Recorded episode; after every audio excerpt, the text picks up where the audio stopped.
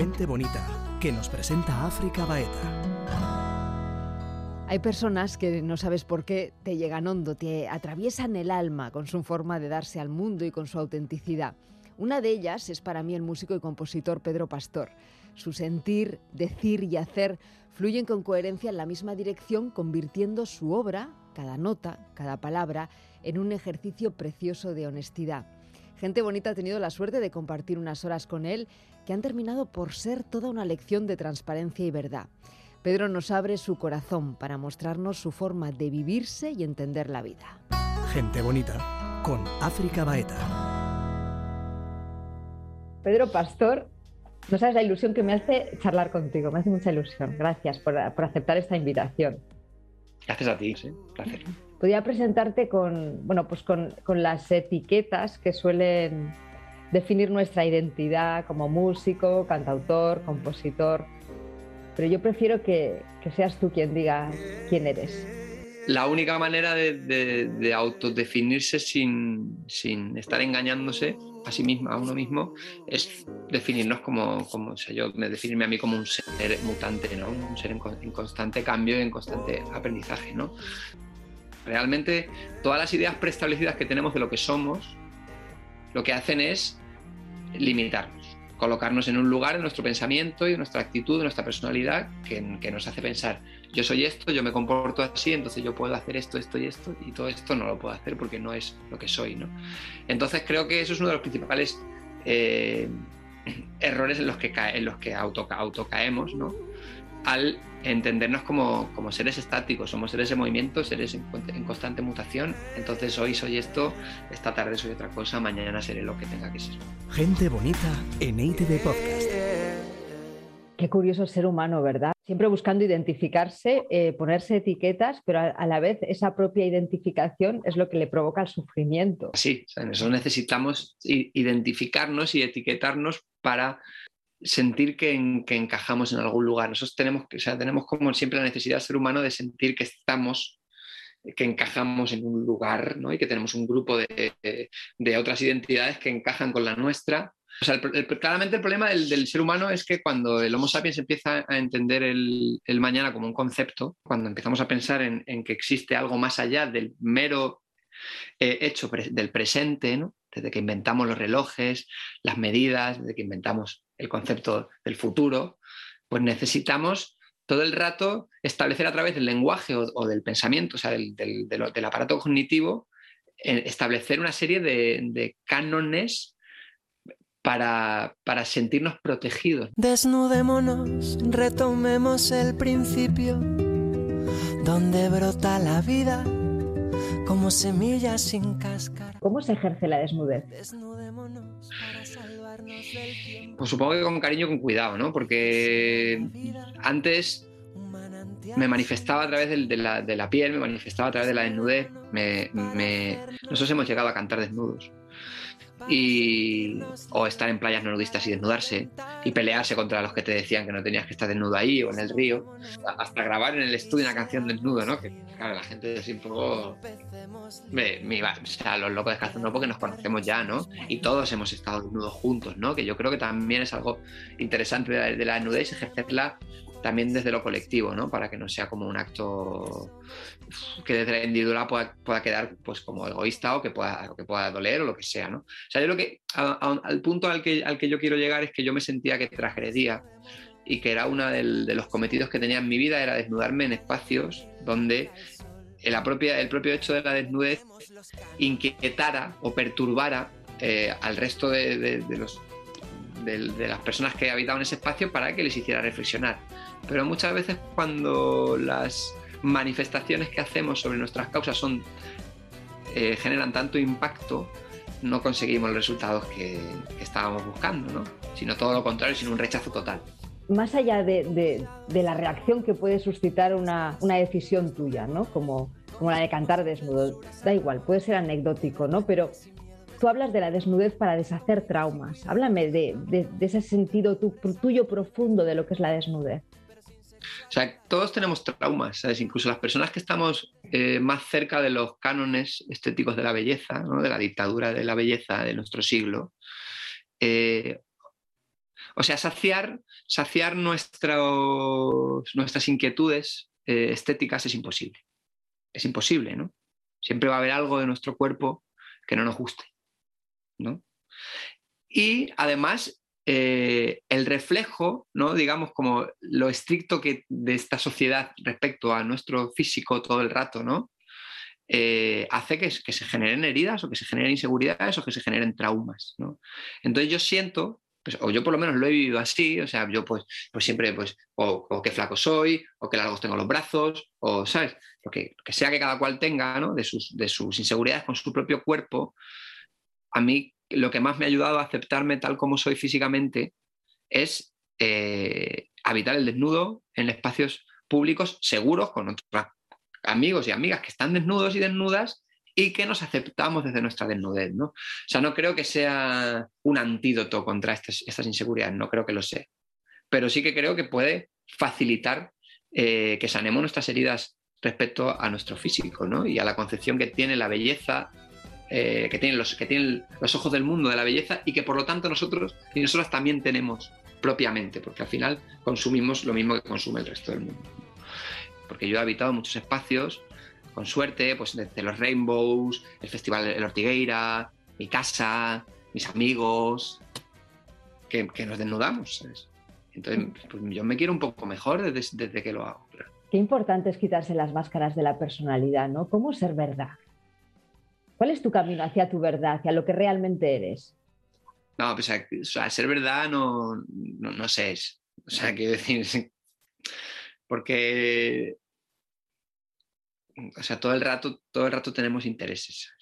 O sea, ya más allá de, más allá de la necesidad de gustar, de ser aprobados, ¿no? De ser aplaudidos. Además, todo el rato tenemos intereses. Somos, somos seres que funcionamos por, por interés.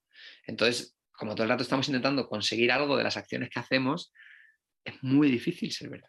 Porque la verdad está desconectada de todos estos intereses, de todos los deseos y simplemente es el, el, la conexión propia del, con el presente. Entonces, muy pocas veces eh, las personas que hemos nacido casi en este siglo o en los últimas, de las últimas dos o tres décadas de este siglo hemos conocido eh, ¿no? la conexión viva y pura con el presente, excepto en, cada cual con sus espacios. La gente lo hace a través de la meditación. Yo, por ejemplo, en estos mismos espacios en los que te he hablado antes, como el Rainbow o la Ortigueira, donde estoy y simplemente estoy y no tengo la cabeza en ninguna otra cosa, pues estoy más cerca de mi esencia, ¿no? Pero creo que es pretencioso hoy en día tratar de, de ser verdad. Siempre dando vueltas vueltas por el mundo y es tan superficial que parece profundo, siempre dando vueltas, vueltas por la vida y es todo tan profundo que parece de mentira. ¿Consideras un buscador? Depende del mes, sí.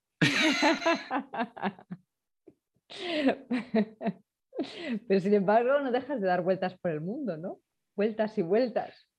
Sí, pasa que estamos en una etapa bueno, distinta, ¿no? Hemos vivido a través, de la, a través de, la, de, la, pandemia, hemos vivido, bueno, yo creo que nuestras vidas de alguna manera se, se, han transformado o han sufrido un paréntesis o una parálisis. Y entonces yo también de estos, este año y medio he tenido mucho ruido en la cabeza ¿no? sobre, sobre, mi, sobre mis deseos y, y, y no, y sobre mi identidad expansiva. ¿no? Yo soy una persona que, que, soy expansivo, me encanta expandirme, me encanta conocer personas, me encanta conversar, me encanta conocer culturas, me encanta conocer paisajes, eh, me encanta salir de mi zona de confort, me encanta salir de mi casa y romper el cascarón del nido. Entonces supongo que en esas etapas sí que soy una persona buscadora, ¿no? Pero, pero muchas veces en los, estos últimos meses en los que no he salido y he estado en casa y además he estado pasando un poquito de ansiedad porque el, porque he dejado de tener tanto tiempo de calidad conmigo, o sea, como que mi tiempo conmigo ha dejado de ser un tiempo tan eh, cálido y entonces paso muchas horas como entreteniéndome. Yo nunca he sido una persona que me entretenga, pero ahora lo soy, o lo estoy siendo, ¿no? O lo he estado siendo. Entonces, bueno, pues he estado como con, ese ruido de si yo, esa persona, yo soy ese buscador o no lo soy. O... Entonces supongo que ahora estoy más desconcentrado de mis búsquedas porque estoy entreteniéndome, estoy mirando el Instagram, estoy viendo el baloncesto Y entonces depende del mes. Esas, esas búsquedas... Eso- Porque somos seres, somos seres mutantes, ¿no? Mutables. Totalmente. Pero esas búsquedas hacia dónde van? Hacia el sentido de la vida, hacia la injusticia, a, no sé, hacia dónde va la búsqueda, ¿no? O sea, el, el- son dudas existenciales. Hombre, yo creo que van hacia el yo, ¿no? Cualquier otra cosa sería, sería, no, no, no creo que, que fuera cierta, ¿no? Eh, soy una persona empática, pero que también soy una persona muy ególatra, ¿no? Entonces, en- siempre he lidiado con esos dos mundos. Me, me- atraviesan y me, y me- me interesan, incluso me apasionan eh, muchísimas causas diversas. Cuando viajo por el mundo, por ejemplo, me involucro mucho con las culturas desde ese lugar también, ¿no? De- del lugar de, de- las, de las voces que están clamando diversos, diversas transformaciones, ¿no? También me interesa mucho la historia, entonces cuando viajo eh, intento aprender un poco ¿no? Los contextos geopolíticos de, los, de los lugares a los que viajo porque me interesa. Pero yo creo que las búsquedas na- nacen y mueren en el yo, ¿no? Nacen desde mis... de- de- Desde la necesidad de saciarme, de la necesidad de expandirme, de la necesidad de conocer, de la necesidad de sentirme realizado, de la necesidad de sentirme querido, de la necesidad de conocer eh, eh, cosas nuevas que me inquieten. Y también mueren en ese puerto, mueren en el puerto del yo también, porque, porque creo que, que, cuando salgo del nido, aunque sea una cuestión esas búsquedas que tengan que ver con, con el otro, ¿no? con conocer a- a- al, al lugar o conocer a la persona, y- pero al final estamos haciendo eso porque queremos alimentarnos. ¿no? No creo que has dicho. o por lo menos en mi caso, ¿no? No, no creo que sea desde, desde alimentar al otro, sino a, a mí. Sí, somos atrás, pero es muy bonito lo que has dicho, ¿no? Cuando morimos, el- el- la identificación realmente nacemos eh, a lo que realmente somos. Hombre, yo supongo que cuando, cuan- cuando, más a gusto estoy, cuando más contento estoy con, con lo que estoy haciendo, proyectando, es cuando estoy en búsqueda. Pero creo que también eh, esa necesidad constante de tener que estar estimulado para estar bien o feliz o contento es un problema, es una problemática que está bueno que revisemos. ¿no? Yo antes no lo, yo eso lo vivo ahora, yo antes no lo vivía. Yo, yo siempre soy una persona que ha estado muy a gusto con, por supuesto, con mis traumas y con todo, pero que está muy a gusto con, con, con quien soy. ¿no? Y ahora mismo, como te he comentado, no estoy teniendo el tiempo que tengo, no mm, ya no, no tengo tanto tiempo de calidad conmigo y creo que tiene que ver con eso, ¿no? Con que, con que todo el rato, claro, con esta sobreestimulación necesito estar sobreestimulado para, para sentirme realizado.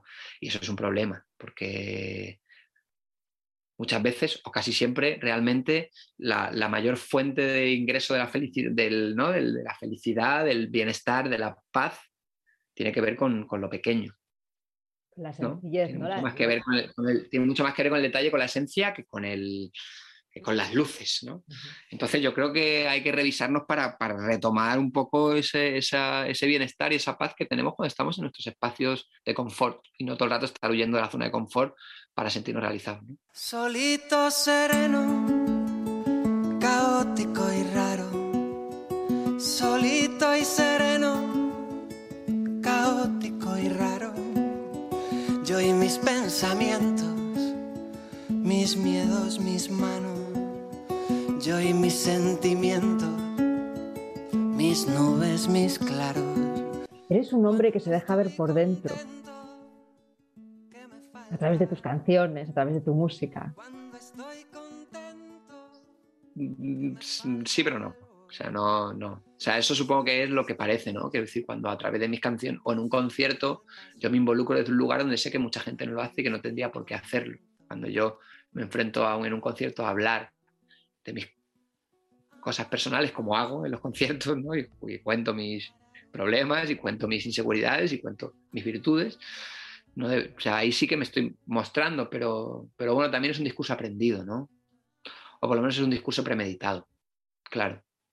O por lo menos es un discurso teledirigido, ¿no? Yo he pensado, yo quiero hablar de esto o pienso que estaría bueno hablar de esto. ¿no? Y luego yo en mi vida, en mi vida cotidiana, soy una persona sensible, soy una persona comunicativa, pero eh, uno de mis grandes defectos eh, es que a veces no encuentro la, manera de, comunicarme o de, de, expresar eh, lo que me está atravesando. ¿no? Vengo con ganas de huir, pero me quiero quedar. Si no digo lo que pienso, sé que me voy a quemar. Hoy me cuesta comprender, no sé si me quiero o si no suenan las voces y a veces no sé quién soy.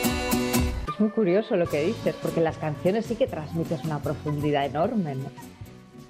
pero la profundidad está ahí. O sea, yo no creo que la profundidad tenga que ver con la capacidad de, expresarse o de comunicarse, ¿no? De hecho, creo que hay gente, eh, yo creo que, no sé, en nuestras familias seguro que hemos conocido, ¿no? Eh, nuestros abuelos, gente con una profundidad muy grande que nunca se ha comunicado, ¿no? Porque la comunicación no tiene, no tiene nada que ver con la profundidad o por lo menos no está obligatoriamente ligada a la profundidad. Yo creo que soy una persona profunda, igual que soy una persona superficial, ¿eh? que, que, en mí habitan esos dos mundos. Yo no, no creo que no peco de, un exceso de profundidad. A mí me gusta también lo banal. Me gusta lo banal. Somos, somos ah. polaridades, ¿eh? somos paz, somos violencia, somos profundidad, somos superficialidad ahí estamos, depende de, dónde estemos cada día, ¿no? Y, creo que eso es, creo que eso es quizá más nutritivo que ser solo una cosa, ¿no? Pero, pero para, para no desviarme del tema, eh, o sea, por mucho que tú seas una persona sensible o profunda, a lo mejor a veces no tienes herramientas para comunicarte o no tienes autoestima suficiente para comunicarte o no tienes la capacidad de destruir tu orgullo lo suficiente para, pedir perdón a tiempo, ¿no?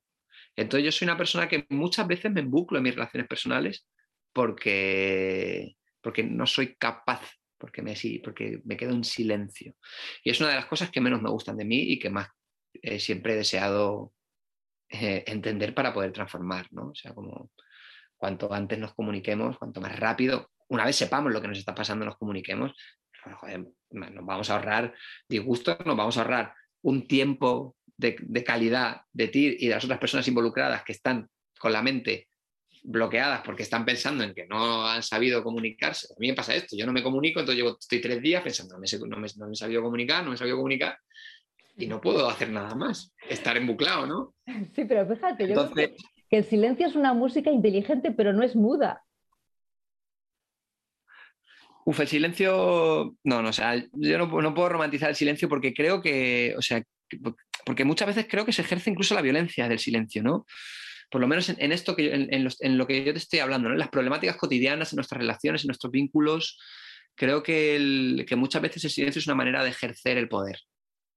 Claro, claro, pero fíjate, ahí, entramos en un terreno que yo creo que tú alguna vez has hablado del maltrato que hacemos de las palabras, ¿no?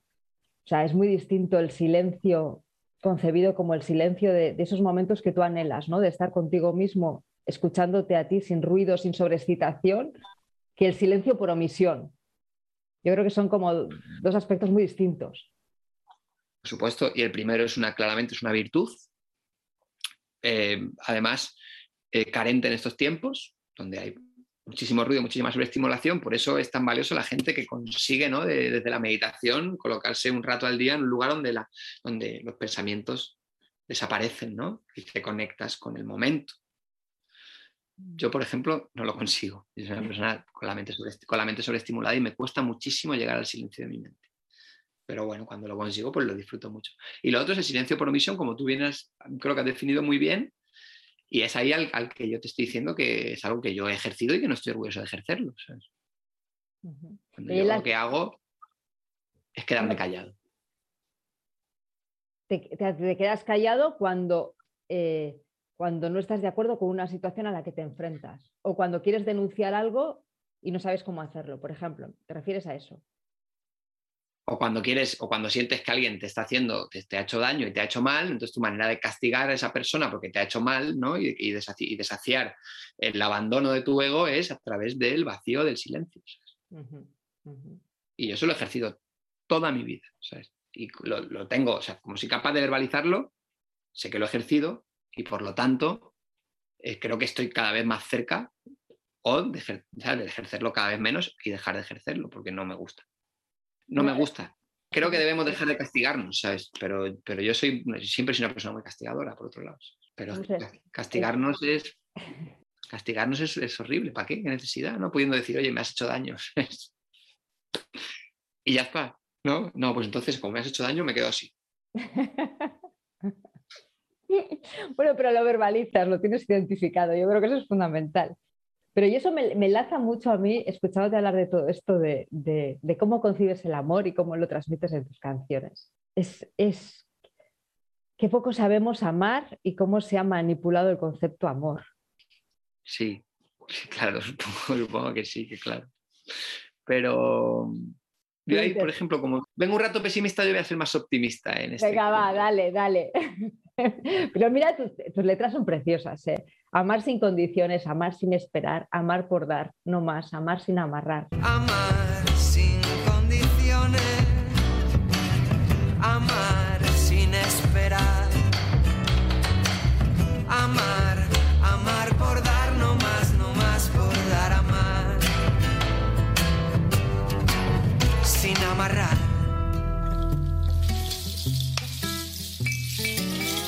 Querían enseñarme a amar a su manera. El concepto capitalista de la familia, que yo creo que todo esto que estamos hablando nace de ahí, ¿no?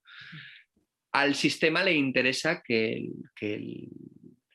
la sociedad se establezca a través de, de, estos vínculos, de estas figuras que muy poco tienen que ver con, con la libertad individual, con la capacidad individual de cada ser de, de de relacionarse con el mundo en cada momento como sienta que se debe relacionar. En la cronología del amor se pasan, yo he pasado por diferentes etapas. Yo soy un adolescente que me he criado con un grupo de chavales en un barrio donde hemos reproducido las, ¿no? las, nuestros, nuestros lazos sexoafectivos como los hemos aprendido de adolescentes, pues a través de somos un montón de hombres y, y qué hombres somos, y la pornografía, y no nos enteramos de nada, no tenemos educación sexual, no sabemos, no sabemos un carajo. Y de repente eso se transforma en que empezamos a, encontrarnos con personas que nos empiezan a arrojar un poquito de información y de luz sobre otras maneras de relacionarnos, ¿no? Eh, aunque seguramente aún no tenemos ninguna herramienta para hacerlo y, pueda ser un desastre. Luego yo creo que llegamos a, una, a una etapa, yo llegué a una etapa con 18 años, 17 años, que tuve mi primera relación de pareja en el que queríamos, solo queríamos ser libres. Y entonces era como el libertinaje por el libertinaje. Y, y no, no entendíamos los códigos o no entendíamos los marcos que se podían establecer en las relaciones para salvaguardarnos. Simplemente queríamos, pues sí, sí, tú y yo somos pareja, pero, pero, pero bueno, yo, esto somos, tenemos una relación abierta y no pasa nada, follamos todos con todos y no pasa nada, ¿no? Y luego, eh, a mí me surgen otro tipo de cuestiones que tienen mucho más que ver también con la responsabilidad afectiva, con los cuidados y con, y, y con la empatía hacia las personas con las que estableces tus vínculos, ¿no? Y yo hace años que estoy inmerso en una relación preciosa que, que, está dentro de esos marcos, que tiene sus ideas y sus venidas, que tiene sus dolores y que tiene sus, su, su fango, como todas las relaciones, pero que, que, se, que, está construida a través de la comunicación. Y ese es el, ese es el mayor regalo al que yo he llegado en el, en el mundo de amarme y de establecer relaciones eh, sociales, sexuales y afectivas. ¿sabes? O sea, como me comunico contigo. ¿sabes? Y me cueste más o me cueste menos tarde, una hora, tarde, tres días, me comunico contigo. Y me pasa esto. Y me estoy sintiendo así. Y necesito que me hables tú de esto. Y si me quieres, por favor, háblame de esto. ¿Y cómo estás? ¿Y qué necesitas? Y entonces desde ese lugar es desde donde eh, yo ahora mismo me siento como poderoso de poder estar teniendo una relación en la que amo a mi compañera, mi compañera me ama a mí, eh, cada cual tiene sus proyectos vitales y los conservamos y son una prioridad por delante de estar juntos. Si yo me quiero ir a vivir a América unos meses, es una prioridad por delante de estar juntos. Porque ella podría venirse a América conmigo, pero ella tiene su vida. Ella, sea, ella quiere ir a trabajar a Costa Rica. Es una prioridad para, mucho antes que estar juntos. Yo me puedo ir a Costa Rica con ella, vivir, yo tengo mi vida. Entonces, como que desde ese lugar eh, surge algo muy bonito en el que estamos eh, cuidándonos, amándonos, compartiendo, creciendo, viajando, pero sin renunciar ninguna de las dos partes a nuestros deseos vitales. Ya no te hablo sexuales, que eso por, por otro lado y también. Pero ya de, los, de, las cuestiones vitales, de yo soy esta persona, tengo y quiero hacer esto. Y no voy a poner por delante una relación de amor. Porque yo creo que el amor nos tiene que acompañar en nuestros pasos, de, los pasos que demos, no tiene que ser el fin en sí mismo. El amor es un, es un medio que, que, habita todo lo que hacemos, ¿no? Pero no puede ser un fin en sí mismo, por lo menos yo lo vivo así. Sí, yo creo que eres de los pocos cantantes que dicen si te vas no me muero. Fíjate lo que la información que nos han metido toda la vida, ¿no? Sin ti no soy nadie, si tú te vas yo muero sea, el concepto de amor es la, gran manipulación de la sociedad para mí, una de las grandes manipulaciones, ¿no? Porque amor para mí es reconocerse en el otro y darme cuenta que tú y yo somos lo mismo, pero con distinta forma. Qué bonito, sí. Bonita esa definición. Yo, yo, yo nunca me he muerto cuando he salido nadie, verdad. no lo he experimentado, ¿sabes? Y soy una persona que. Soy una persona que. o sea, no, soy, no soy un no soy un loco de la pasión. Yo tengo compis en la vida, he conocido a un montón de gente que vive la pasión de una manera muchísimo más eh, entrañable desde la entraña que yo. Yo soy una persona que, en verdad soy bastante racional, eh, aunque luego tomo decisiones irracionales, porque si no, ¿para qué? Pero, pero, pero también he vivido historias de pasión muy fuertes y se, han, y han sido breves, profundamente breves, porque por ejemplo estábamos en tránsito cualquiera de las dos personas, o han sido un poquito más largas pero no han funcionado por lo que sea. Y de verdad que, de verdad que, que todos hemos sufrido, por, o sea, que todos sufrimos por, por no cuando no nos reconocemos con el otro. Como lo que, que recogiendo lo que tú acabas de decir. Claro que bueno, vamos a sufrir. O sea, que decir, somos, estamos hechos de, de sensaciones y de sentimientos y a todo el mundo le duele que a uno no le quiera o que no le dediquen a uno todo el tiempo que uno piensa que deberían dedicar o no ser la principal atención o la principal prioridad de las personas que creemos o nos gustaría que fueran, ¿no? De las que fuéramos su principal prioridad. Y eso claro que es doloroso, pero yo creo que dentro de que hemos sido capaces ¿no? de generar herramientas para cualquier otra situación en la vida, en esta vida adulta o responsable, yo creo que es importante que empecemos a intentar gestionar nuestras, nuestros vínculos emocionales ¿no? y, y, lo que nos generan ¿no? estos vínculos. creo, que sí, creo que esto es importante, que lo hagamos, ¿sabes? Y que empecemos a meterle también cabeza herramientas, ¿sabes? Claro. Y hablas mucho de la libertad, Otro, otra de las palabras manipuladas. ¿Qué es para ti la libertad? Sí, sí, claro. La libertad, yo creo, seguramente sea la palabra más manipulada, junto con el amor y, claro, la muerte. Em, creo que, o sea, o sea, creo que la libertad pasa por tener la, capacidad de tomar decisiones. Entonces, es muy difícil, por eso también está tan denostada el término, porque, claro, eh, partiendo de la base de de la desigualdad del mundo en el que vivimos, la libertad es un concepto que no puede existir en nuestro mundo. No podemos hablar de libertad. Porque para mí, desde mi punto de vista, la libertad pasa por tener la capacidad de tomar decisiones. Pero es que para tener la capacidad de tomar decisiones, primero tenemos que partir de una base a la que no estamos llegando, ¿no? Una premisa de, unas cuestiones primordiales, ¿no? Que depende del, mundo, del lugar en el que nazcas en el mundo, pues esto es, esto está, esto es absolutamente absurdo, ¿no? Entonces, a partir de ahí, yo creo que, la libertad pasa por, eh, por generar las herramientas, y otra vez utilizo esta palabra, suficientes como para que las decisiones que tomamos estén lo menos condicionadas posibles. ¿No? O sea, conocernos en nuestro distinto, en nuestro constante cambio, conocer eh, lo, que, lo que necesitamos, lo que queremos, lo que deseamos, lo que buscamos. Entonces, a partir de ahí, tomar decisiones desde ese lugar, ¿no? Claro, en eso consiste la libertad. Hay infinitos matices. Por supuesto, el condicionamiento, el condicionamiento cultural, el condicionamiento social, familiar, el condicionamiento económico, eh, el condicionamiento de todos estos vínculos que generamos y que queremos cuidar. Eso, por supuesto, que nos condiciona a la hora de tomar decisiones. Por eso la balanza de cada cual es súper importante, es algo súper eh, único, ¿no? Eh, la capacidad ¿no? de, poner en balanza y de decidir cómo queremos construir nuestra libertad y conocer a todos nuestros personajillos internos, ¿no? Tú hablabas antes del yo, del ego. Conocer cómo es nuestro yo, nuestro ego, para, para, para que no nos coja la delantera, porque ahí va una libertad que todavía es superior, la de no dejarte llevar por tu subconsciente y, tu, y tus pensamientos impulsivos. Claro. O sea, todas nuestras caras eh, cuando se apoderan, ¿no? cuando, toman, cuando hay una que se destaca de las demás y toma las riendas de nuestras decisiones, pues estamos dejando de ser libres. Y todo eso pasa por la vulnerabilidad, que es otra de las palabras que a ti te encanta. Vulnerables como el agua. Hablamos de la vulnerabilidad occidental, ¿no?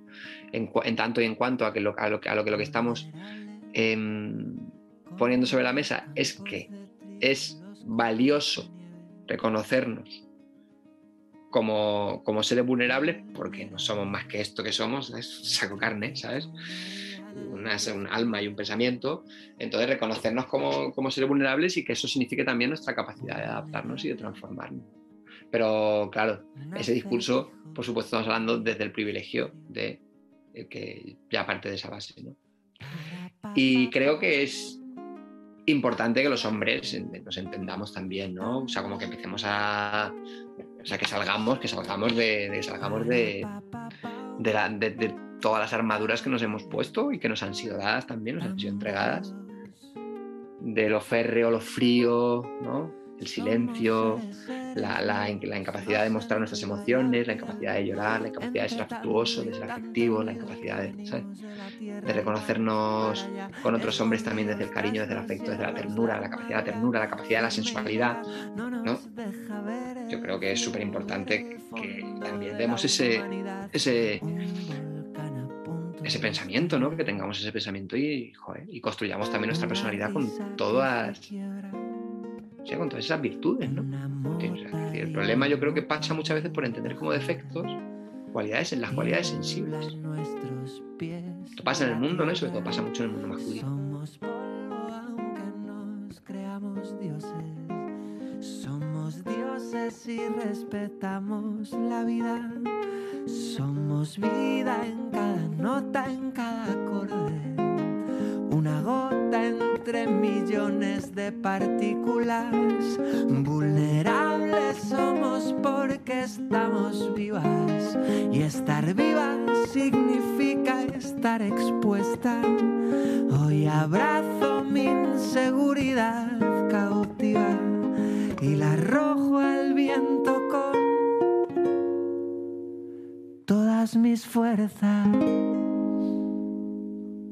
me gusta mucho cuando tú hablas del feminismo, ¿no? ya que hablas del mundo masculino, cómo ser coherente y defender el feminismo siendo hombre, ¿no?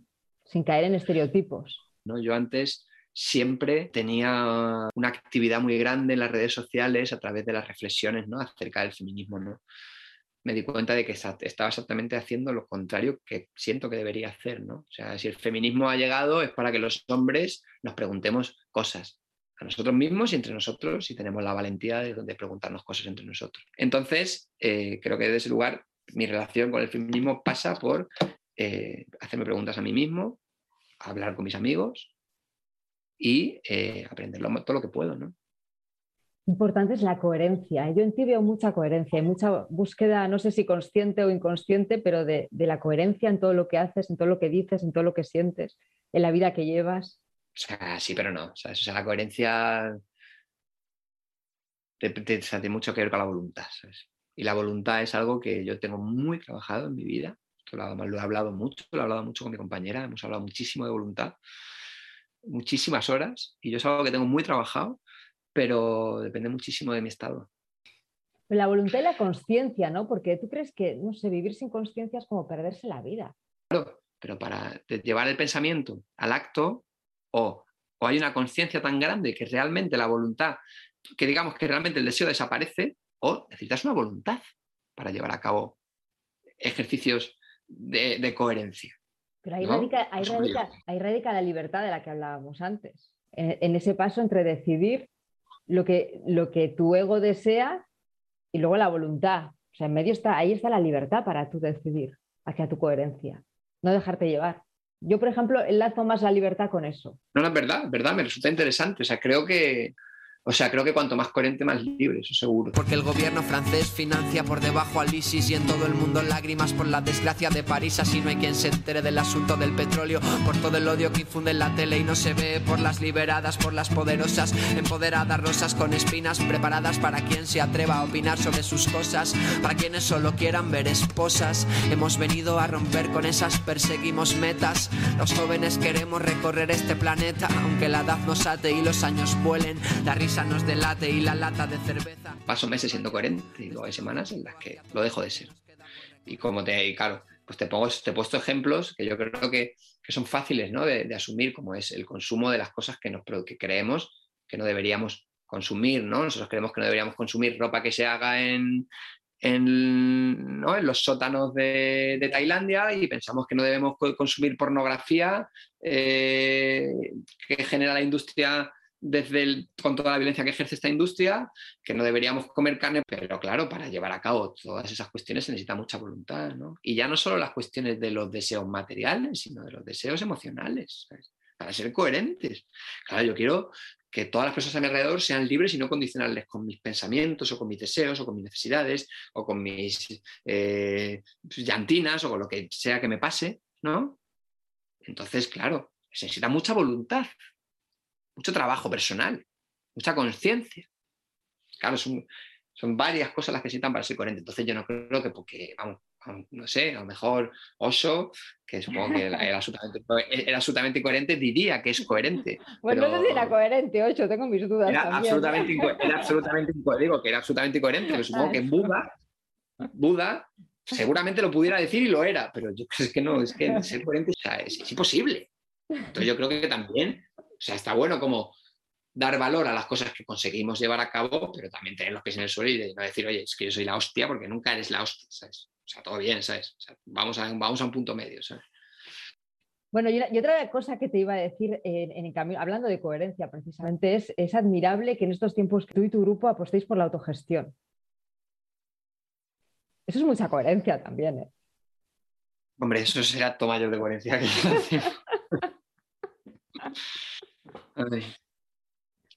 Se suda, ¿eh? se suda mucho. Ya me imagino que Yo siempre lo tengo muy claro, ahora, lo tengo, ahora no lo tengo tan claro, pero siempre lo he tenido clarísimo. Y yo creo que como lo he tenido tan claro siempre, ahora resisto. Porque, o sea, cuando uno ya, te, te pongo en situación, o sea, yo, yo tengo cuatro discos de estudio, un EP de estudio, un disco en directo, he hecho casi 600 conciertos, he girado por muchísimos países distintos, hoteles, radios independientes, o sea, como que he tocado todas las, o sea, he, remado, he remado toda todo, el, todo el río de la independencia lo he, remado, ¿no? de la autogestión, lo he remado. Y claro, nosotros seguimos viviendo, aunque nos va bien, o sea, yo, yo llevo viviendo de mis canciones 10 años, o sea, yo soy un absoluto privilegiado y estoy agradecido, eso tengo que decirlo a priori ya. O sea, esto es lo máximo. Incluso hay, etapas en las que todos los músicos de la banda, los locos descalzos, vivimos de este proyecto, ¿no? Y todos decimos chapó, ¿no? Pero claro, yo luego pienso y digo, no pasa nada, yo, yo puedo seguir, yo puedo seguir viviendo así porque, porque tengo suficiente, pero a mí me encantaría tener un técnico de luces, una técnico de luces, me encantaría no te quiero contar una técnico, un técnico de monitores, aparte del técnico de, de de sonido, me encantaría. No te quiero contar un backliner, ¿sabes? Nosotros llevamos, yo llevo dos guitarras, Álvaro lleva tres, Nico lleva tres bajos y una guitarra, alguien que entre canciones, al fin la guitarra para nosotros no estar, simplemente es tener un ritmo de show, ¿no? Me encantaría tener a alguien que hiciera la publicidad del Facebook, porque lo hago yo. Me encantaría tener a alguien que me lleve mis redes sociales, ¿sabes? Porque a mí me consumen por dentro. Entonces lo que, lo que te permite la industria es seguramente alcanzar muchísimo más rápido todo esto. Hay un peligro, yo siempre he sido muy consciente de este peligro. Cuando las cosas se alcanzan muy rápido es muy probable que también se desalcancen igual de rápido. Alguien como yo, que, es, que llevo 10 años, pero que sé que quiero vivir hasta que me muera de la música, por ahora, pues creo que este es el camino más sensato. Pero claro, hay días, yo saco otro disco, hago, a mi parecer un disco que es precioso, a mí me encanta el disco que hemos hecho, o sea, a mi vueltas me parece el mejor disco que hemos hecho hasta ahora. La semana que salió fue el, el disco 20 que más se vendió en este país. Yo creo que ya llevando 10 años en la música, teniendo la, experiencia y la profesionalidad que tenemos, pues estaría bueno tener un técnico de luz, ¿sabes? Vuestros conciertos tienen una magia y yo creo que, que, que parte de esa magia es la verdad y la autenticidad, la autenticidad y la cercanía, ¿no? Yo creo que eso también tiene, tiene su precio. Sí, yo creo que eso también, que creo que es lo que nosotros ofrecemos. Es que yo le miro a la cara a la gente cuando le canto y canto desde un lugar que conecto con una ternura que el público recibe, una verdad, con un sentimiento que el público recibe y se emociona. Tú decías antes que la, verdad es imposible. Pues yo creo que transmitís verdad. Y por eso, es mi opinión, ¿eh? Transmitís verdad y por eso yo creo que se crea tanta magia, porque sois verdaderos no hay ficción. Yo no sé, igual estoy engañada, ¿eh? pero yo os veo en directo y veo verdad. Entonces, ostras, y la verdad hoy en día eh, cuesta encontrarla. Las olvidadas, las que escondían pan en el mimbre, las perseguidas y señaladas en todo el pueblo las exiliadas. Hay otra cosa que me encanta de ti, ¿eh? que dices que las canciones ya están escritas en algún lugar. Y eso es como conectar con la esencia, ¿no? O sea, hay, quien le llama el flujo primordial. Es cuando se, baja el volumen del ruido, te conectas con, la energía universal o con lo que sea y, de ahí sale, sale la magia, ¿no? Y sale, y sale la canción esa que igual está en algún lugar. Yo creo en esto fervientemente, O sea, yo... yo nunca he compuesto una canción de, oye, voy a, quiero hacer esto. O sea, cuando lo he hecho, no me ha gustado lo que ha salido, eso es así pero yo he compuesto canciones, Mariana, Desaprendiendo, El baile, eh, Quererte, Los olvidados, Vueltas, canciones que me han llegado, o sea, a mí me llega, me llega, me llega. Yo, yo, llevo, yo, estoy, cada día de mi vida cultivo algo porque todos lo hacemos, ¿no? Vamos, vivimos y en ese vivir, en esa vivencia estamos cultivándonos y estamos descubriendo y estamos aprendiendo. Estamos diciendo, ay, vaya, esto qué interesante ay, mira, lo voy, a, lo voy a meter aquí en el frasco del recuerdo. Entonces tú vas llenando ese frasco, llenando ese frasco y eso está lleno. Si eso no está lleno, no, no hay divinidad que valga. Estamos de acuerdo, ¿no? Si tú no sabes tocar la guitarra, pues no vas a coger divinamente la guitarra y a componer una canción con la guitarra. Estamos de acuerdo. Si tú no sabes, ¿no? Si tú no sabes entonar, pues no vas a entonar la canción. Entonces, dentro de todas esas dinámicas del aprendizaje y todo lo que vamos metiendo en ese tarro, de repente te llega esa información, te llega. Te llega la idea pues, ¿qué pasa? Que hay que estar, hay que estar, para hay que estar preparado, hay que estar abierto para las ideas, hay que estar, ¿no? Hay que estar ahí. Porque si no, las ideas vienen y igual que vienen, se van. ¿no? Esto es como los sueños. Tú cuando te levantas por la mañana, en mi caso, yo me acuerdo de lo que he soñado. Yo si no le pongo conciencia y lo apunto, en dos horas no me acuerdo. En dos horas no me acuerdo. Hay que estar abierto, hay que estar predispuesto a eso. Si no, las ideas vienen y si no las trabajas no, la, no va a salir la canción. O sea, es una mezcla, pero hay una cuestión divina en todo esto. Y yo no soy una persona que hable de divinidad nunca, porque no es algo que en mi vida esté presente, ¿no? O en el plano consciente. Pero en este caso lo tengo muy claro. Hay algo mágico en toda esta historia de, la creatividad. Qué bonito. Así terminamos, Pedro. Me ha encantado hablar contigo, de verdad. Muchísimas gracias. Vale, amor, gracias a ti. Un placer. Para que un día al fin descansen justos los huesos, no olvidaré.